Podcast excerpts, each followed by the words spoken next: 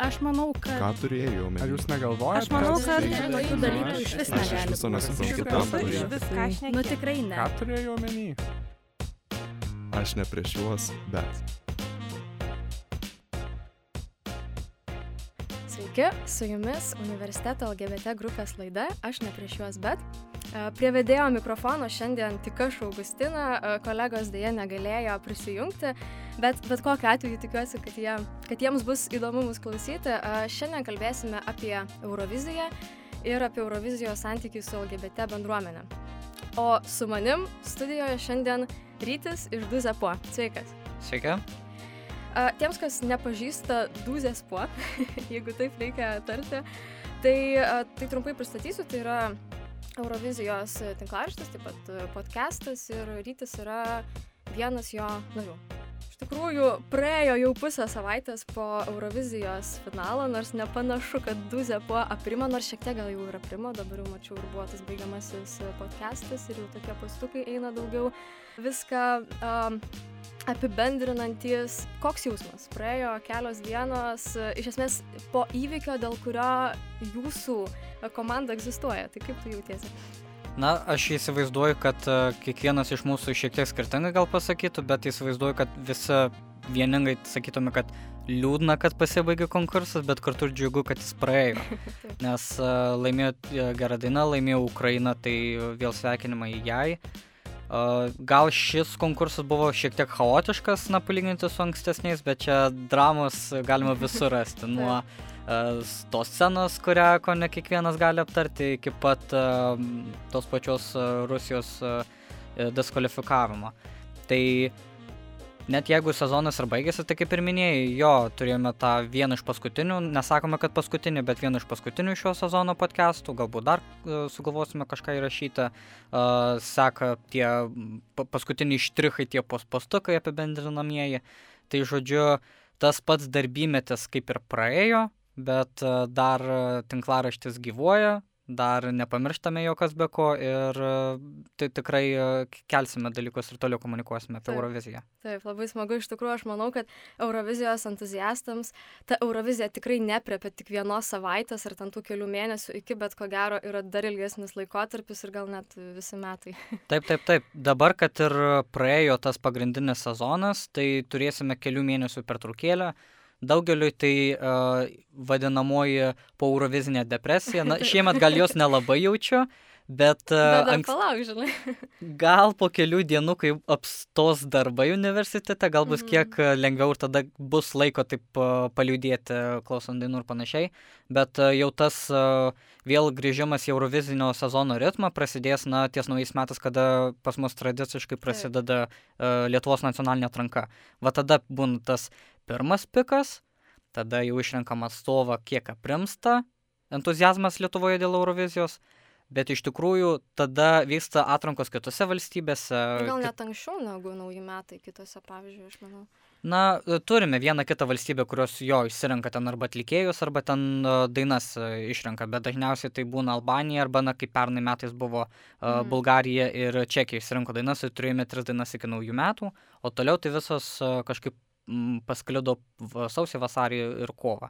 Na ir tada iki kovo vidurio sužinom dainas, tada toksai kabutėse kimaras, nes laukiame repeticijų, laukiame konkursų, bet tada vyksta visokie vakarėliai, gastrolės, pradeda sklisti gandai, kaip pasirodymai atrodys ir tiesiog gyvename tam visame Euroviziniam burbulė keletą mėnesių ir tada ateina pavasaris ir tada praeina Eurovizija.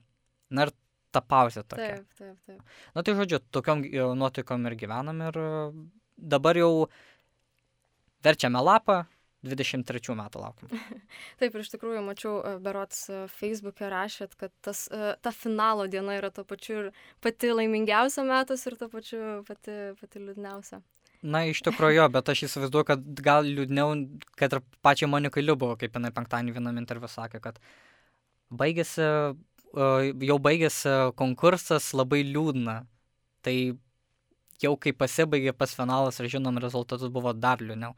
Bet aišku, tu pirmiausia džiaugiesi dėl to, kad įvyko ir vertini tai, ką tu turi, kad štai įvyko Eurovizija, kad uh, pamatei tiek daug dalykų, išgirdai ir kad turėjai patyrimą to tokio Taip. nuostabaus uh, reginio. Taip, tikrai taip. Tai a, prieš dar a, prieinant prie pagrindinės mūsų temos, šiandien a, norėčiau dar šiek tiek a, a, užkabinti jūsų pačių istorijos, Duzepuo istoriją. Kiek žinau, tu prisijungiai ne nuo pat pradžių, šiek tiek vėliau, bet galbūt žinai iš kolegų pasakojimų, kaip a, prasidėjo visas ši, šis a, projektas.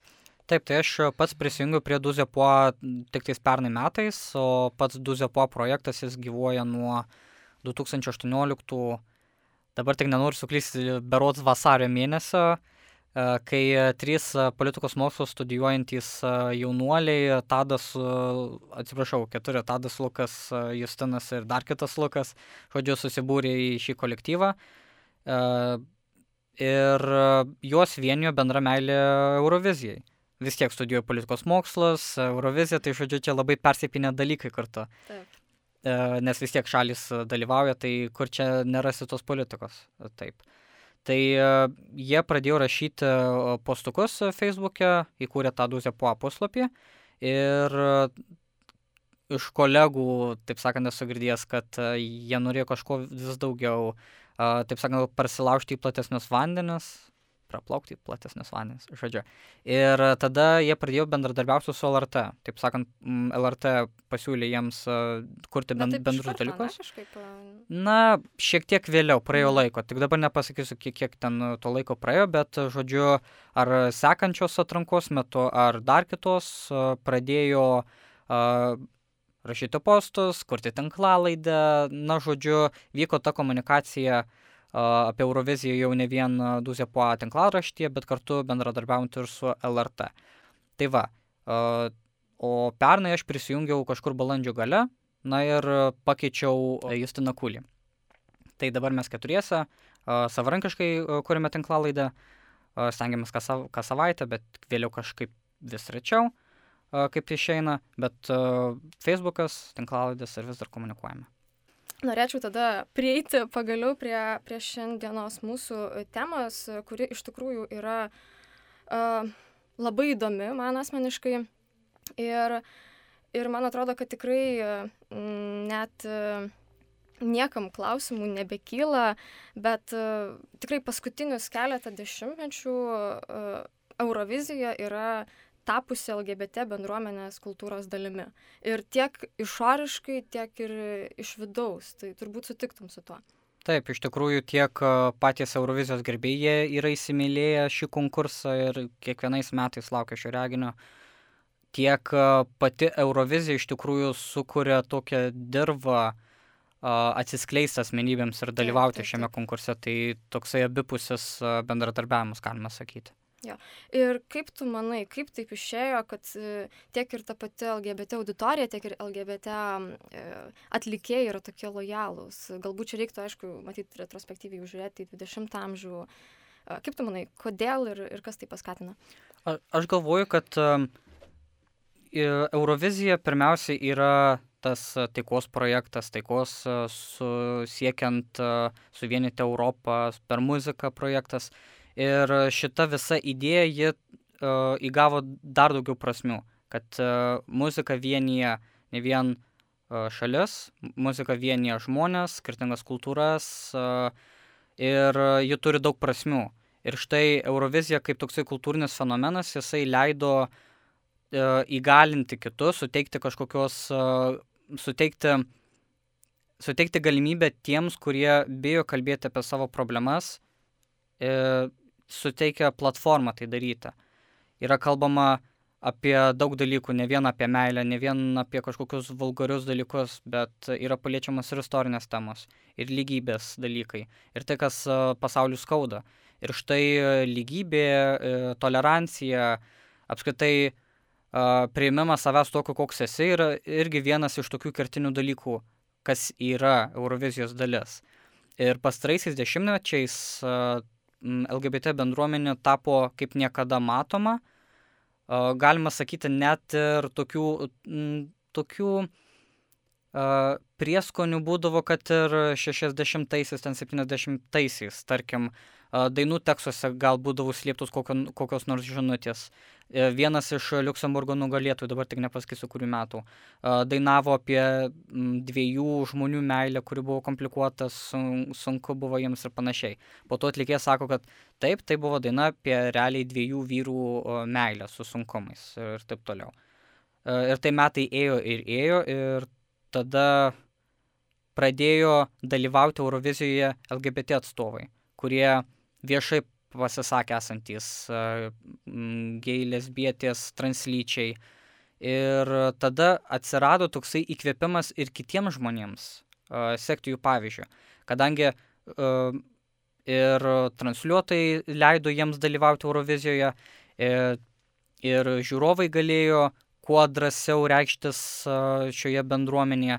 Tai aš galvoju, kad tas palaikymas, jis ir sumobilizavo europiečius ir šiaip pasaulio žmonės mėgti šį konkursą. Jie jautėsi saugus, būdami jo dalimi.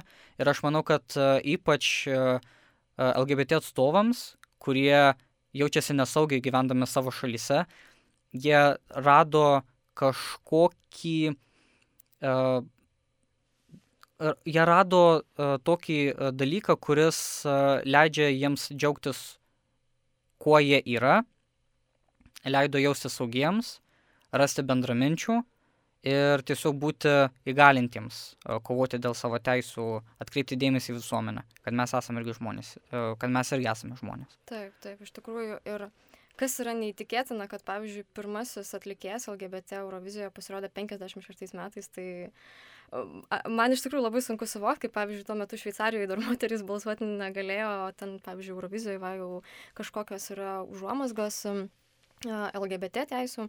Aišku, tas atlikėjas jis dar nebuvo atsiskleidęs tuo metu. Bet kaip tu manai, galbūt galima kažkokius kertinius taškus atrasti, nuo kurių, pavyzdžiui, mm, galbūt suaktyvėjo tas LGBT bendruomenės įsitraukimas į Euroviziją. Aš nežinau, galbūt tai būtų 98 metų Dana International um, laimėjimas kaip pirmos translytės moteris. Ar kaip tu manai, ar buvo tokių? Taip, tai aš galvoju, kad e, Danos International pergalė Eurovizijoje ir buvo vienas iš tų uh, atspirties taškų, kada LGBT bendruomenė tapo at, m, labiau matoma ir ėmėsi daugiau žmonių uh, reikštis aktyviai Eurovizijoje ir šiaip pasaulyje, kalbant apie LGBT. Dar pernai prieš tai 97-ais Islandijos atstovas irgi taip, buvo. Taip, pa, pats pirmasis gyvai pasirodęs LGBT atstovas. Jau atsiskleidęs. Taip, taip, tuo metu dar svarbu paminėti, kad vieni atlikėjai pasirodo Eurovizijos scenoje, bet jie dar kaip ir neskleidžia savo seksualinės orientacijos. Tai irgi klausimas gal žmonės dar nežino, ne tai, kad nežino, jie gal nesijautė dra, e, drąsūs, e, gal bijojo to, kas gali laukti, jeigu jie paskelbtų, kad jie yra e, neheteroseksualūs. O kai kurie iš karto drąsiai sako, kad aš esu toks, koks esu ir štai pasirodau ant Eurovizijos scenos. Tai va turime 97 metų Islandijos pavyzdį, tada Dan International.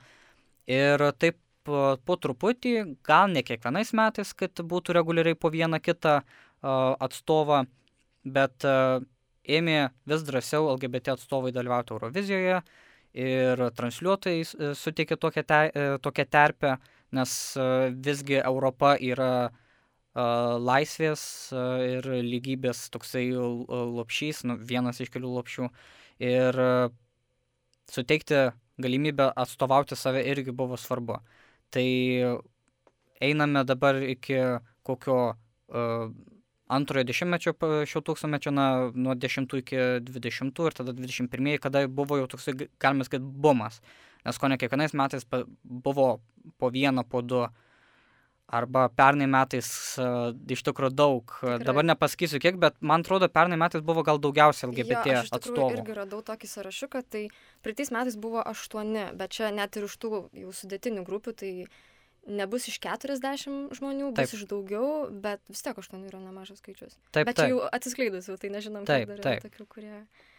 Tai iš tikrųjų vis daugiau žmonių uh, tapo pastebimi vis daugiau žmonių ėmė dalyvauti, Euro, LGBT žmonių ėmė dalyvauti Eurovizijoje, nes uh, jie jautė, kad uh, turi palaikymą, kad uh, jie yra drąsūs ir jie neturi ko bijoti, kad uh, jie turi dainą, kad jie yra talentingi ir jie tiesiog kaip paprasti žmonės nori atstovauti savo šaliai, kad jie nori uh, įkvėpti kitus ir todėl jie e, stengiasi skleisti tą e, žinią laisvės ir lygybės, apie kas ir yra visos Eurovizijos pagrindas, kad atlikėjai atvyksta iš įvairių valstybių, skleisti meilę muzikai ir taip pat pagarbą vieni kitiems.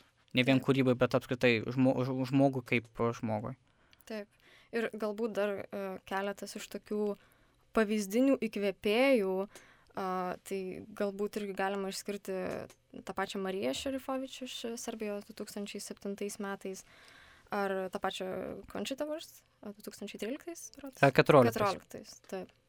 Ir dar iš tikrųjų yra labai įdomus, įdomus dalykas, kad manoma, kad irgi prisidėjęs prie, prie LGBT bendruomenės įsitraukimo Euroviziją, tai, tai kad iki 98 berots Eurovizija buvo organizuojama uh, tokiuose kaip teatruose, tokiuose mažesnėse erdvėse, o paskui jau buvo pradėta organizuoti ten arenose, stadionuose ir taip galėjo prikviesti kuo daugiau uh, klausytojų, kuo daugiau auditorijos iš įvairių šalių ir taip toliau. Ir galbūt tas irgi paskatino tarptautinės bendruomenės LGBT susidomėjimą tuo. Tai čia manoma, kad irgi yra tokia priežastis. Tai va. Uh, jo, bet čia turbūt dar galima prie to prieiti ir prie Eurovizijos turizmo, dar tokio atskiros temos, bet galbūt čia kažkiek vėliau pakalbėsim apie tai. Kaip tu manai, ar visos šalys, kurios savo pasirodymuose palaiko LGBT, tai daro nuoširdžiai? Na, negalime dabar iškart sakyti, kad visos šalys ar čia vienos tikrai nuo pat pradžios iki pat galo atstovauja LGBT interesus arba vienos ten visiškai pasisako ne ir niekada gyvenime nesiūsim LGBT atstovą. Na, kiekvieni metai yra skirtingi. Kol kas Lietuva dar nesiuntė visiškai at, at, atsiskleidusio LGBT atstovo. Kol kas. Tai galbūt kažka, kada nors ateityje bus šitas, bet uh, Matome, kad yra vienos ar kitos šalis, kurios labai laisvai ir drąsiai siunčia tokius atlikėjus. Jos galbūt nėra stipriai homofobiškos ir tiesiog LGBT bendruomeniai yra labiau toleruojama ir jiem yra lengviau gyventi. Tai tarkim, Izraelis yra viena iš tų valstybių, kuri jau realiai metai iš metų siunčia LGBT atstovus. Tik yra klausimas, ar tai nėra kažkokia tendencija, jeigu viena šalis iš vien siunčia. Aš aišku, e, nieko asmeniškai neturiu ir nieko nesakau, kad čia reikia suklusti ir panašiai. Tačiau, kai yra kalbama apie Euroviziją, tai labiau homofobiškų valstybių korta šios, šio konkurso atžvilgių ir yra, kad tai yra gana gėjiškas konkursas, per daug e, žvilgesio, per daug manieriškumo ir panašiai. Čia turbūt e, Vengrija tai pasakytų, pasitraukusi. Taip, Vengrija, kurios pagrindinė korta ir buvo, kad taip. mes nebedalyvausime, nes čia per daug yra, na, žodžiu, Eurovizija yra konegėjų paradas. Taip, taip, Turkija taip pat irgi nebegrįžta į Euroviziją. Bet uh, turime uh, valstybės, kurios uh, aktyviai uh, na, palaiko LGBT bendruomenę ir, ir dažnai siunčia tokius atlikėjus. Tai ir šiemet turėjome uh, Islandės, uh, viena iš jų yra uh, panseksuali berots, kita turi sūnų translytį, taip pat turime, turėjome Izraelio atstovą, kuris irgi viešai save yra identifikavęs kaip gėjų ir taip pat Australijos. Australijos. Taip, taip. Ir, ir Island, Islandijas ir Australas yra, pat, buvo patekę į finalą. Ir visai neblogus rezultatus gavo. Na, bent Australas. Tai žodžiu, uh, valstybės jos na, negali visiškai taip arba palai, jos e, nėra taip nusistačiusios visiškai už LGBT arba visiškai prieš LGBT, nebent turime va, Turkiją arba Vengriją. Turime valstybės, kurios dažnai kritikuoja LGBT, jos nėra tokios draugiškos. Na, Baltarusija, Rusija ar Ukraina kažkurio metu, tokios labiau rytų Europos valstybės, jos kiek kritiškiau kalba LGBT bendruomenės atžvilgiu. Ir aš esu tikras, kad net ir tie, ta, tos pačios Lietuvos dalis gyventojų irgi pasisako prieš LGBT atstovus. Nes jeigu prisiminsim 14 metus, kada Končita Vurs iš Austrijos laimėjo, tai irgi kilo šioks toks ažiotažas, kad laimėjo uh, vyras persirengęs moterimi ir ta moteris uh, yra su barzda. Kas čia tokio? Nors iš vakarų perspektyvos tai buvo tam tikras įgalinimo simbolis. Ir jie gali kurti save tokį, kokį nori ir jie turi išlikti mm, to, to, to themselves, na, tikri savo. Tai jeigu žmogus jaučia, kad, kad jis e, nėra heteroseksualus, tai jis neturėtų slėptis ir, ir dangstytis, kad jis yra neva heteroseksualus, jeigu jam patinka kitos lyties atstovai. Tai žodžiu, yra pavyzdžių, kada valstybės tikrai palaiko LGBT bendruomenę, ir turime tų tokių kiek tamsesnių pavyzdžių. Jo, bet pavyzdžiui, apie tos pačius tamsesnius pavyzdžius, taip ta pati Rusija, pavyzdžiui, Lazarovas du kartus dalyvavo Eurovizijoje. Uh, taip pat ir nebūtinai, kas su LGBT bendruomenė susiję, bet šiaip dažnai Rusija turi tokią tendenciją siūsti tokius uh, atlikėjus, kurie na, ne visai atrodytų, kad uh, tokių vat Rusijos vertybių laikosi, žinai, ir ta pati Gagarina, ir, ir prie tų metų, bet paskui ten jau kaip jie elgėsi vėliau, tai čia jau ne, ne, ne, nebėra prasmės matyti kalbėti apie tai, bet, bet vat, įdomu, kad kartais ta pati Rusija elgėsi atvirkščiai.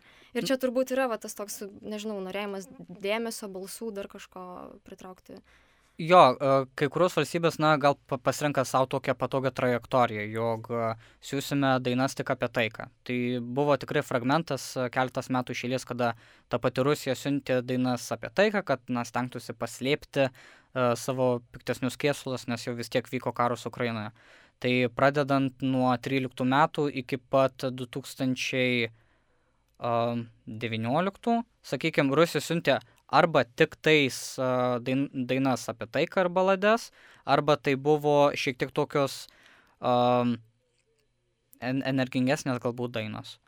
Tada turime uh, na, kitą pavyzdį, kur jau šiuo atveju nėra toksai gal tamsesnis, bet Izraelis irgi siunčia uh, jau ko ne keletą metų išėlės atlikėjus, kurie arba yra LGBT atstovai, arba jie stipriai palaiko uh, šią bendruomenę tai irgi gali rodyti tam tikrą tendenciją, kad štai Izraelis yra valstybė, kuri palaiko, tai galbūt balsuokite už mus. Aišku, šiemet pamatėme, kad nepavyko, bet čia vėlgi mes negalime sakyti, kad ar, ar nesubūrė Izraelis tokios aktyvos LGBT bendruomenės, ar tiesiog daina buvo bloga. Tai negalima pilnai uh, statyti kortos ant uh, ant LGBT, jog e, jeigu tu siunti e, šios bendruomenės atstovai Euroviziją, tai štai tu gali tikėtis labai gerų rezultatų. Nes uh, galiausiai, jeigu tavo daina nėra gera, tai tu ir nepasieksi gerų rezultatų. Bet kai kurios valstybės sako, kad arba tiesiog bendru, viešoje erdvėje būna, kad uh, va siunčia tokį ir tokį, tai jau tie ir tie užbalsuos. Ir dėl to ir sako, kad uh, Štai 14 metais susirinko LGBT žmonės ir jie subalsavo už končitą. Tai va. Taip, ir labai, labai daug kas taip galvoja, aš, aš taip manau. E, bet visgi aš manau, kad galima būtų e, padalinti, sakykime, aš nekalbu, aišku, apie Rusijos atvejus, bet, sakykime, at, atlikėjus iš normalių šalių galima būtų padalinti uh, tie, kurie, sakykime, kurių pasirodymai yra priskirti kaip LGBT kažkokie performansai. Aš manau, kad galima būtų taip skirstyti. Uh, dalis būtų tų, kurie iš tikrųjų yra uh, LGBT bendruomenė. Ir kurie, aš nežinau, savo pasirodymę, galbūt jie kažkaip tiesiogiai perdoda ar neperdoda. Ir galbūt kita dalis būtų tiesiog e, ne LGBT bendruomenė, bet savo pasirodymę turi kažkokių tai fragmentų. Ten, pavyzdžiui, ten, bet, pavyzdžiui, pavyzdys 2018 metais airių atlikėjas, kuris yra heteroseksualus, berots, bet savo pasirodymą turėjo ten tą dviejų vaikinų šokį. Ir atidėjo tokį elementą. Ir, ir tada klausimas, aišku, ko gero, tas pats atlikėjas, jis nieko blogo tame mm, neturi kažkokių tai savanaudiškų kėslų, bet e, galbūt pasitaiko atveju, kada iš tikrųjų tai yra daroma na, dėl tokios, e, e, galbūt dėl norėjimo surinkti daugiau balsų ir taip toliau. Čia toks kaip pinkfošingas gautųsi, kad na, savanaudiškai, o ne iš tikrųjų, kad tu palaikai ten tas vertybės labai nuoširdžiai. Na, iš tikrųjų pasitaiko tokiu atveju, kada pasirodymuose bandoma gal sužvėjoti tų balsų Taip. arba tiesiog yra kažkokie pasirodymo elementai, kuriuose galima išvelgti LGBT bendruomenės ar palaikymo, ar, ar šiaip atkreipti jų dėmesį, kad štai balsuotų. Tik vat a, 18 metų Airijos pavyzdį aš laikyčiau kaip tokį a, sveikintiną, kadangi tai buvo subtilus pasirodymas. Tai Tiesiog tikrai buvo gražus pasirodymas. Taip, Mm. tai buvo gražus pasirodymas ir, atlikėjo, ir atlikėjas gražiai sudainavo, ir to šokis jis nebuvo toksai mm, kažkoks ekstravagantiškas, įkyrus, neskoningas ir panašiai. Jis, taip sakant, buvo vietoje ir laiku ir labai gražiai dėrėjo. Aišku, uh, kilo irgi pasipiktinimas uh, dėl, dėl šio uh, dviejų vyrų šokio, kadangi jie buvo susikėbę rankomis ir panašiai, kaip, ka, ka, kas čia vyksta. Dar tuo metu ir Kinė transliavo konkursą, bet kadangi nukirto tiesioginės transliacijos metu, tai nebeteko teisių. Nes uh, m, Europos transliuotojų sąjunga, na, yra toks sutarimas iš jos, kad privaloma transliuoti pasirodymus ir negalima jų cenzuruoti. Taip, iškraipyti. Tai va, e, turėjome Airijos pavyzdį, taip pat dar turime tokį pavyzdį iš 13 metų e, Suomijos pasirodymo, Kristas. Sigfrids e, su Mary Me. panelės, taip. Jo, kur dvi panelės pasibučiavo. Ir, na, kaip ir pats pasirodymas, jis sukosi apie, apie vestuvės, apie meilę, buvo šokėjų su neva vestuviniam šo- e, suknelėm, ar ne, e, ne, ten jos labiau pamergės buvo, o Krista buvo e, jauna e, vedė. Tai aš išvelgiu, aš vis tiek išvelgiu ten ir palaikymą LGBT, bet kartu ir siekiu uh, surinkti papildomų balsų. Nu, kadangi- Dėmesio, dėl to, na kad, taip, nu, nes tas tas buč- provokuoja emocijas, taip. Taip, tas bučinys galena, jis buvo uh, tam, kad tiesiog uh, kelt, sukeltų kontroversiją, kad žmonės uh, kalbėtų, na ir galiausiai Krista praėjo į finalą. Jo. Tai klausimas, ar uh, jeigu nebūtų pasibučiavę, ar būtų patekę į finalą?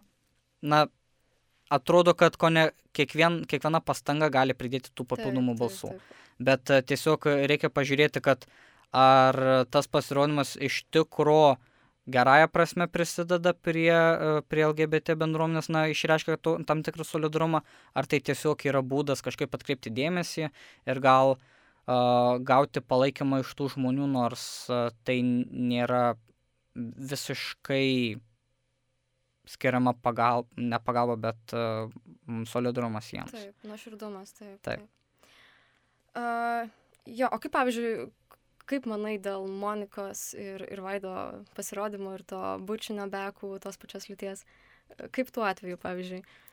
Taip, tai dar prisimenam, kad visgi ir buvo to, Nu, toksai man atrodo, jie pateko į finalą, taip? Taip, taip, jie pateko ir septintų numerių dainavo. Na, tokiu atveju, tai Lietuva kai- kaip ir irgi ėjo tą pan, panašią linkmę kaip, kaip ir Krista iš Suomijos. Aišku, tai irgi buvo galbūt siekis gauti balsų, tik dabar aš gal šiek tiek savo ir paprieštarausiu, net jeigu uh, tai buvo siekis gal gauti papildomų balsų, iš kitos pusės tai galėjo būti ir tam tikras gestas uh, tai šaliai, atkreipti dėmesį ir kažkaip tapti šiek tiek tolerantiškesniai tos pačios ly- lyties po- porų a, atžvilgiu, ar tiesiog pamatyti, kad tai irgi yra norma, kažkaip gal neteis ir panašiai. Tai matėme ir po to bučinio Lietuvoje irgi kilo sambruzės, kaip čia du vyrai ir dvi merginos pasibučiavo. Ir tada, aišku, turėjome Moniką su, su Vaidu per vidurį. Tai, taip sakant, buvo gana skoningai, taip sakant, buvo ir heteroseksuali pora, ir tada neva du pasibačiavę vyrai, dvi pasibačiavusios moterys. Tai, na, galima sakyti iš e, europiečių perspektyvos, kad tai galėjo būti tam tiesiog e, susižvėjojimas kelių balselių, bet e, LGBT atstovam e, arba tiesiog e, na, žmonėm e, gyvenantiems e, valstybėse, kurie šiek tiek na, slepiasi, taip sakant, tai galėjo būti tam tikra kaip ir a, galimybė uh, pasakyti, kad uh, jeigu ir Eurovizijo tai rodo, tai kodėl tai yra blogai uh, visuomenė, kodėl tai yra kritikuotina arba, taip sakant, uh, galbūt draudžiama kitose valstybėse. Tai žodžiu, Eurovizija tam tikrą prasme yra, yra terpė laužyti stereotipus, parodyti tai, kas galbūt yra draudžiama kitose valstybėse ir net jeigu tai yra paprasti bučiniai. Vieniem tai galėtų atrodyti kaip tiesiog balsų kažkokia žvėjojimo mašina, bet kitiem gali atrodyti kaip tiesiog paprastas solidarumo su LGBT ženklas.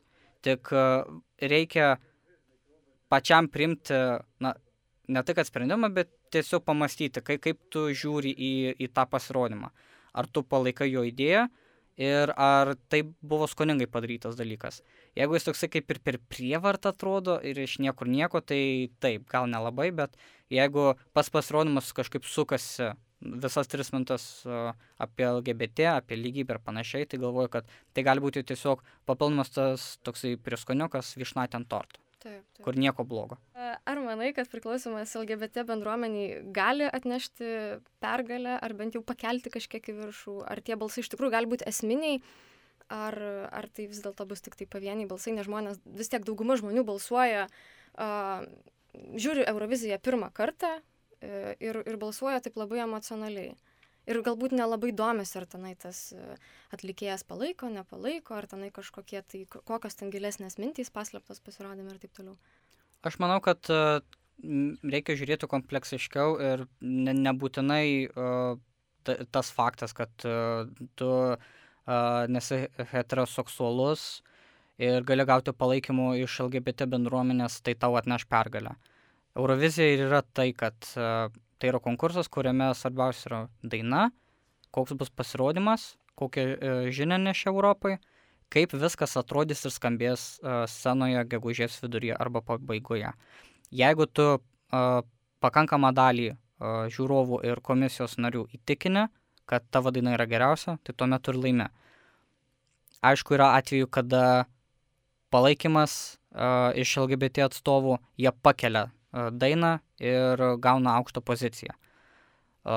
Jau aptarėme. Pasakyti pavyzdžių tokių, kada, kada iš tikrųjų žiūrovai vien tik dėl palaikymo LGBT bendruomeniai davė galbūt daugiau balų, negu ta daina buvo verta. Na, dabar pasakyti, kad labiau ta daina verta, tai kažkaip ir sunku būtų. Na, pirmiausia pavyzdžiai, tai aišku, buvo Dan International ir Conchita Wurst, bet ten ir dainos buvo taip, pačios taip, taip. Uh, vienos geriausios tikrai tam tuose konkursuose, tai čia net nebūtų galima sakyti, kad tik tais dėl LGBT bendruomenės palaikymo jos laimėjo, aišku, jos buvo geros dainos. Turime dar pavyzdį iš 19 metų, kada irgi nugalėtojas identifikavo save kaip biseksualų, Duncanas Lawrence'as, ir jis irgi galėjo gauti dalį palaikymo iš LGBT bendruomenės, bet aš laikiau, kad tiesiog jo daina buvo geriausia tais metais ir dėl to jisai laimėjo. Uh, tai galima sakyti, kad uh, papildomas palaikymas padėjo jam laimėti, bet uh, jis vis tiek buvo vertas tos pergalės ir jis dėl to laimėjo. Bet uh, dar 19 metais buvo kiti keli. Uh, Aš ir pagalvoju apie Keino pavyzdį. Taip, taip. Irgi dar buvo keli atstovai ir vieni iš jų buvo uh, norvegai. Tai uh, pagrindinis vokalistas uh, Tomas Hugo, jeigu neklystu. Žodžiu, ir jie laimėjo žiūrovų balsavimą. Ar jie laimėjo žiūrovų balsavimą vien dėl to, kad vienas iš narių buvo LGBT atstovas? Manau ne, nes tiesiog daina buvo gera, pasirodymas buvo geras, jie kartu dėrėjo taip, kad buvo gera žiūrėti ir tiesiog tą vakarą Europai labai patiko pasirodymas. Bet aš manau, kad vis tiek tas pasirodymas ir, ir pati grupė pritraukė nemažą dalį palaikymo iš LGBT bendruomenės, kadangi atlikėjai aktyviai reiškia savo poziciją, palaikymą LGBT bendruomeniai. Tai aš galvoju, kad jeigu tu savo dainą, savo pasirodymą reiškia palaikymą, ne, ne vien, tiksliau, ne vien pasirodymą, ne vien dainą reiškia palaikymą LGBT bendruomenį, bet kartu ir esi kaip ir jų advokatas ir tu uh, viešinė problemas, keli dis, diskusiją į viešą erdvę uh, ir už konkurso ribų, tai tada tu tinkamai kaip ir atstovauji LGBT bendruomenę, bet jeigu tu pasirodai ir tiesiog užmeti kažkokį kabliuką, nors tu kaip ir gal nelabai palaikai, tai tada, na čia grįžtam prie ankstesnio klausimo, tada jau kaip ir nėra tas tenkamas LGBT palaikymas. O šiemet tai jau kaip ir aptarėme, kad buvo Australo pavyzdys, jo pasirodymė kaip ir nebuvo uh, jokių LGBT uh, detalių, Įskyrus tai, kad jis dėvėjo uh, ilgą suknelę, jis buvo ant, ant laiptų ir buvo pasidabinęs tokiu uh, stikl, tokia stiklo kaukė, nežinau kaip, kaip pavadinti šydų tokio. Ir iš tikrųjų gana skoningai atrodė. Vieniem tai gali būti kaip ir labai keista, nes štai vyras stovi su ilga suknelė, žiauriai pasipuošęs ir su ilgais nagais. Bet taip jis uh, aiškino, kad aš esu toks, koks esu ir tai yra mano, e, ir tai, koks aš esu pasirodymė, yra mano asmenybės dalis. Turime taip pat pavyzdį, kur gal nelabai susijęs su LGBT bendruomenė, bet e, plačiai diskutuojama iš šių metų e, San Marinas. Tai Akilė Lauro pasibučiavo su gitaristu Berots, ko ne pabaigoje pasirodymo. Tai irgi įplėskė tokią diskusiją, kad ar, akil, ar Akilė yra LGBT atstovas ar ne, ar čia buvo tiesiog būdas kažkaip vėl sukelti kontroversiją, gal gauti papildomų balsų ir taip toliau. Nors pats pasirodymas jis buvo labai ekstravagantiškas ir aš galvoju, kad tas bučinys tiesiog buvo dar vienas papildomas e, dalykas ant viršaus, kas buvo visame pasirodyme. Tas bulius, tada narvai, daug ugnies, e, galiausiai pats e, akelia apdaras visas. Uh, Jis buvo tiesiog ap apsirengęs uh, tokiu permatomu kaip ir uh, blizgučiais uh, susiutu ko kostiumu, uh, kuris labai prigludęs prie kūno ir tiesiog uh, šoko dainavo ir, ir, taip sakant, buvo scenos diva. Tai jis jau nuo pat pirmos sekundės buvo toksai pompastiškas. Dar kalbant apie LGBT ir pasirodymus prisiminiau 17 metų pavyzdį, Slavko Kalezič iš Jotkalnijos. Ten irgi atlikėjas buvo viešai pasisakęs kaip, kaip gėjus ir jis nuo pat pradžios, kada paskelbė savo dainą, sakė, kad, kad mano pasirodymas bus toksai, na, seksualus, toksai įstringas ir panašiai. Ir jis iš tikrųjų su ilga kasele labai drąsiai elgėsi scenoje. Ir jis e, konkurso metu drąsiai uh, komunikavo apie LGBT bendruomenę, reiškia palaikymą jai ir panašiai. Tai daug kas galbūt tikėjusi, kad jis pateks į finalą, nes, na, susižers palaikymą iš LGBT atstovų, bet, na, ne, nepavyko. Tai aš galvoju, kad yra va tokių pavyzdžių, kada, kada toksai e, palaikymo LGBT išreiškimas padeda dainoms, kai kada tai neturi jokios kaip ir įtakos, jeigu ta daina yra pakankamai gera, o kartais tiesiog na, nepakanka pagalbos, jeigu ta daina nėra gera. Taip, aš iš tikrųjų irgi taip manau. taip, tai galbūt būtų dar visai įdomu sugrįžti prie tokio reiškinio kaip Eurovizijos turizmas, aš paminėjau laidos pradžioje. Tai iš esmės uh, Eurovizija, aišku, pati e, turbūt valstybė yra labiau nuostolis, bet, e, bet kai jau atvyksta į kažkokį tai miestą, tai tas miestas turbūt stengiasi pritraukti kuo daugiau turistų, kad tik tai, kad tik tai jie leistų pinigus.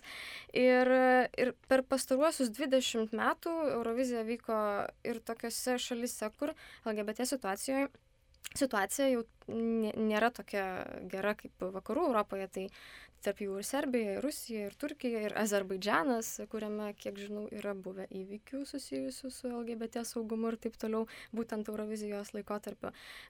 Galbūt žinai, kaip pati bendruomenė buvo priimta ten ir ar net baido tokios valstybės, galbūt jeigu, pavyzdžiui, laimi kitais metais vykti.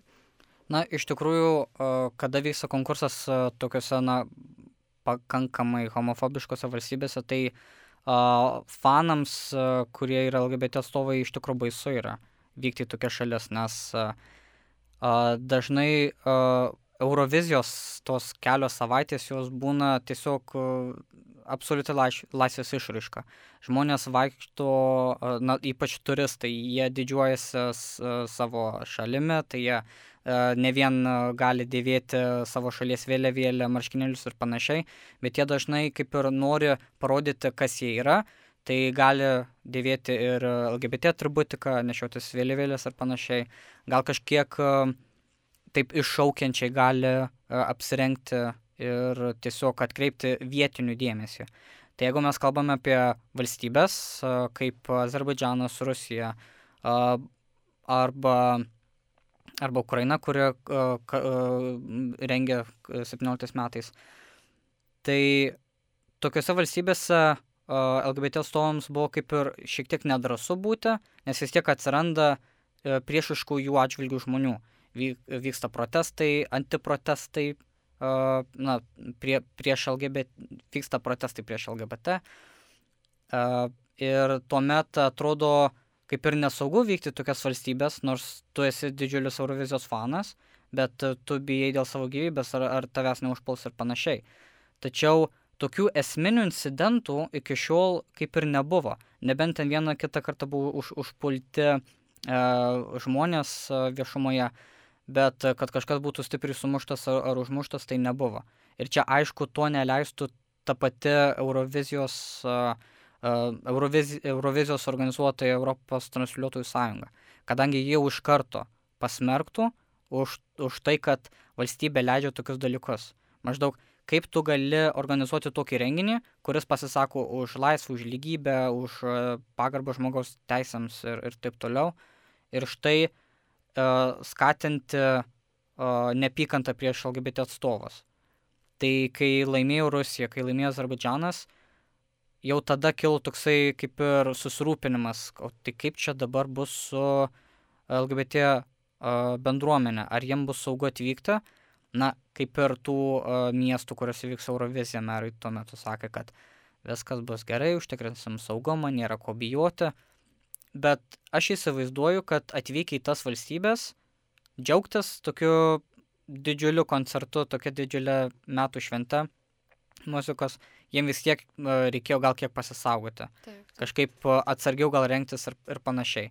Arba ypač kalbant apie Azerbaidžaną, kur ten tikrai yra labai prasta situacija, kalbant apie žmogaus teisės, tai ten tikrai reikėjo labiau, labiau pasisaugoti.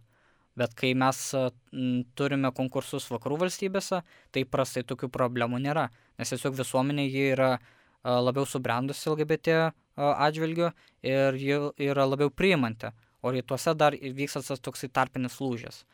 Arba yra palaikančių, bet tai uh, nėra visiška visuomenės opinija, arba turime na, tokius režimus, kurie uh, draudžia, mm, kurie draudžia uh, vienos lyties partnerystę ir panašiai, ir tu net negali išeiti į viešumą susikebęs rankomis. Tai tai irgi galėjo būti vienas iš tokių atvejų, jeigu Eurovizijos fanai kaip ir vyksta poromis susikebę ir taip toliau, tai jiem kaip ir būtų buvę nesaugu taip. gatvėmis vaikščioti. Uh, jo, ir ko gero dar pratesant apie geografiją, Bet jau taip visai pabaigai. Man įdomi tavo nuomonė, kaip tu manai? Aš esu įsitikinusi, kad net jeigu karas Ukrainoje po metų bus pasibaigęs, jiems vis tiek bus svarbesnių reikalų nei Eurovizijos organizavimas. Kaip manai, kuri valstybė perims tą estafetę? Ar, ar tai bus sąžininga, jeigu tai darys Junktinė karalystė, ar galbūt manai apie kažką kitą? Jo, tai čia dar būtų labai įdomu, kaip veiktų pati atranka ar Europos transliuotojų sąjunga pasako, jog Eurovizijos dainų konkursas vyks valstybėje, kuri užėmė antrą vietą. Tuo metu būtų Junktinė karalystė. Nėra prasidėjusių jokių kalbų apie... Kol kas dar ne, mhm. kol kas dar ne. Dar apskritai manoma, kad galbūt ir Ukraina organizuotų, nes, na, kaip ir pasakė, perdavė ten vyriausiasis tas uh, prodiuseris tokią papkutę su dokumentais Ukrainos uh, delegacijos vadoviai. Tačiau, na, matant, kas dabar vyksta, Taip, tai nes... tikrai būtų naivu tikėtis, kad Eurovizijoje vyktų. Man atrodo, tai vyko metais. 2017 metais, ne, jiems ten jau ir tai buvo, vos išgalėjo jas organizuoti. Taip, jau tada jiems buvo sunku, ne Taip. vien ekonomiškai, bet ir apskritai dar vis tiek vyko karas rytų Ukrainos dalyje. O yra kitas variantas, tiesiog įbijų pasako, organizuoti gali tos e, šalys ir miestai, kurie patys išreiškia norą. Tai mes jau kol kas turime mm, iš Ispanijos, iš Lenkijos, iš e, Švedijos. Tai visai nemažai. Tai o mes neišreiškiam dar ne. Kol kas dar ne, tai pažiūrėsim. Taip pusę lūpų juokavomės, kad blemba, o jeigu vat, pasiūlytų Lietuvą organizuoti, nes vis tiek e, Lietuva labai stengiasi padėti Ukrainą ir taip toliau. Gal, gal, galbūt patys ukrainiečiai jie nuspręstų, pavyzdžiui, pagal tai, kas mums daugiausiai skiria pagalbos ir kas mus daugiausiai kalba už mus, taip. garsiausiai. Tik čia klausimas vėlgi, ar tai nebūtų politika tada, kad maždaug duodi organizavimo teisės Jo. valsty- va- kažkuriai iš valstybių, kuri, kuri labiausiai padeda. Na, žodžiu, e, bus įdomu stebėti, kokia valstybė organizuos kitu, kitais metais, bet dabar dar sunku pasakyti, kas. Taip. Bet manau, sužinosim. Vasaros pabaigoje, rudenį turbūt jau bus aišku. Taip, tai ačiū tau už pokalbį. Ryti buvo tikrai labai smagu. Linkiu tau toliau puoselėti šį pomėgį ir puoselėti komandą tuo pačiu. E, o mes e, lauksim daugiau memų, daugiau e, podcastų, daugiau apžvalgų ir šiaip įvairios įdomios informacijos iš jūsų, net ir Eurovizijos tam sezonui pasibaigus. Tai dėkoju ir klausytojams, čia buvo universiteto LGBT grupės laida, aš ne prieš juos, bet ir susitiksime kitą kartą.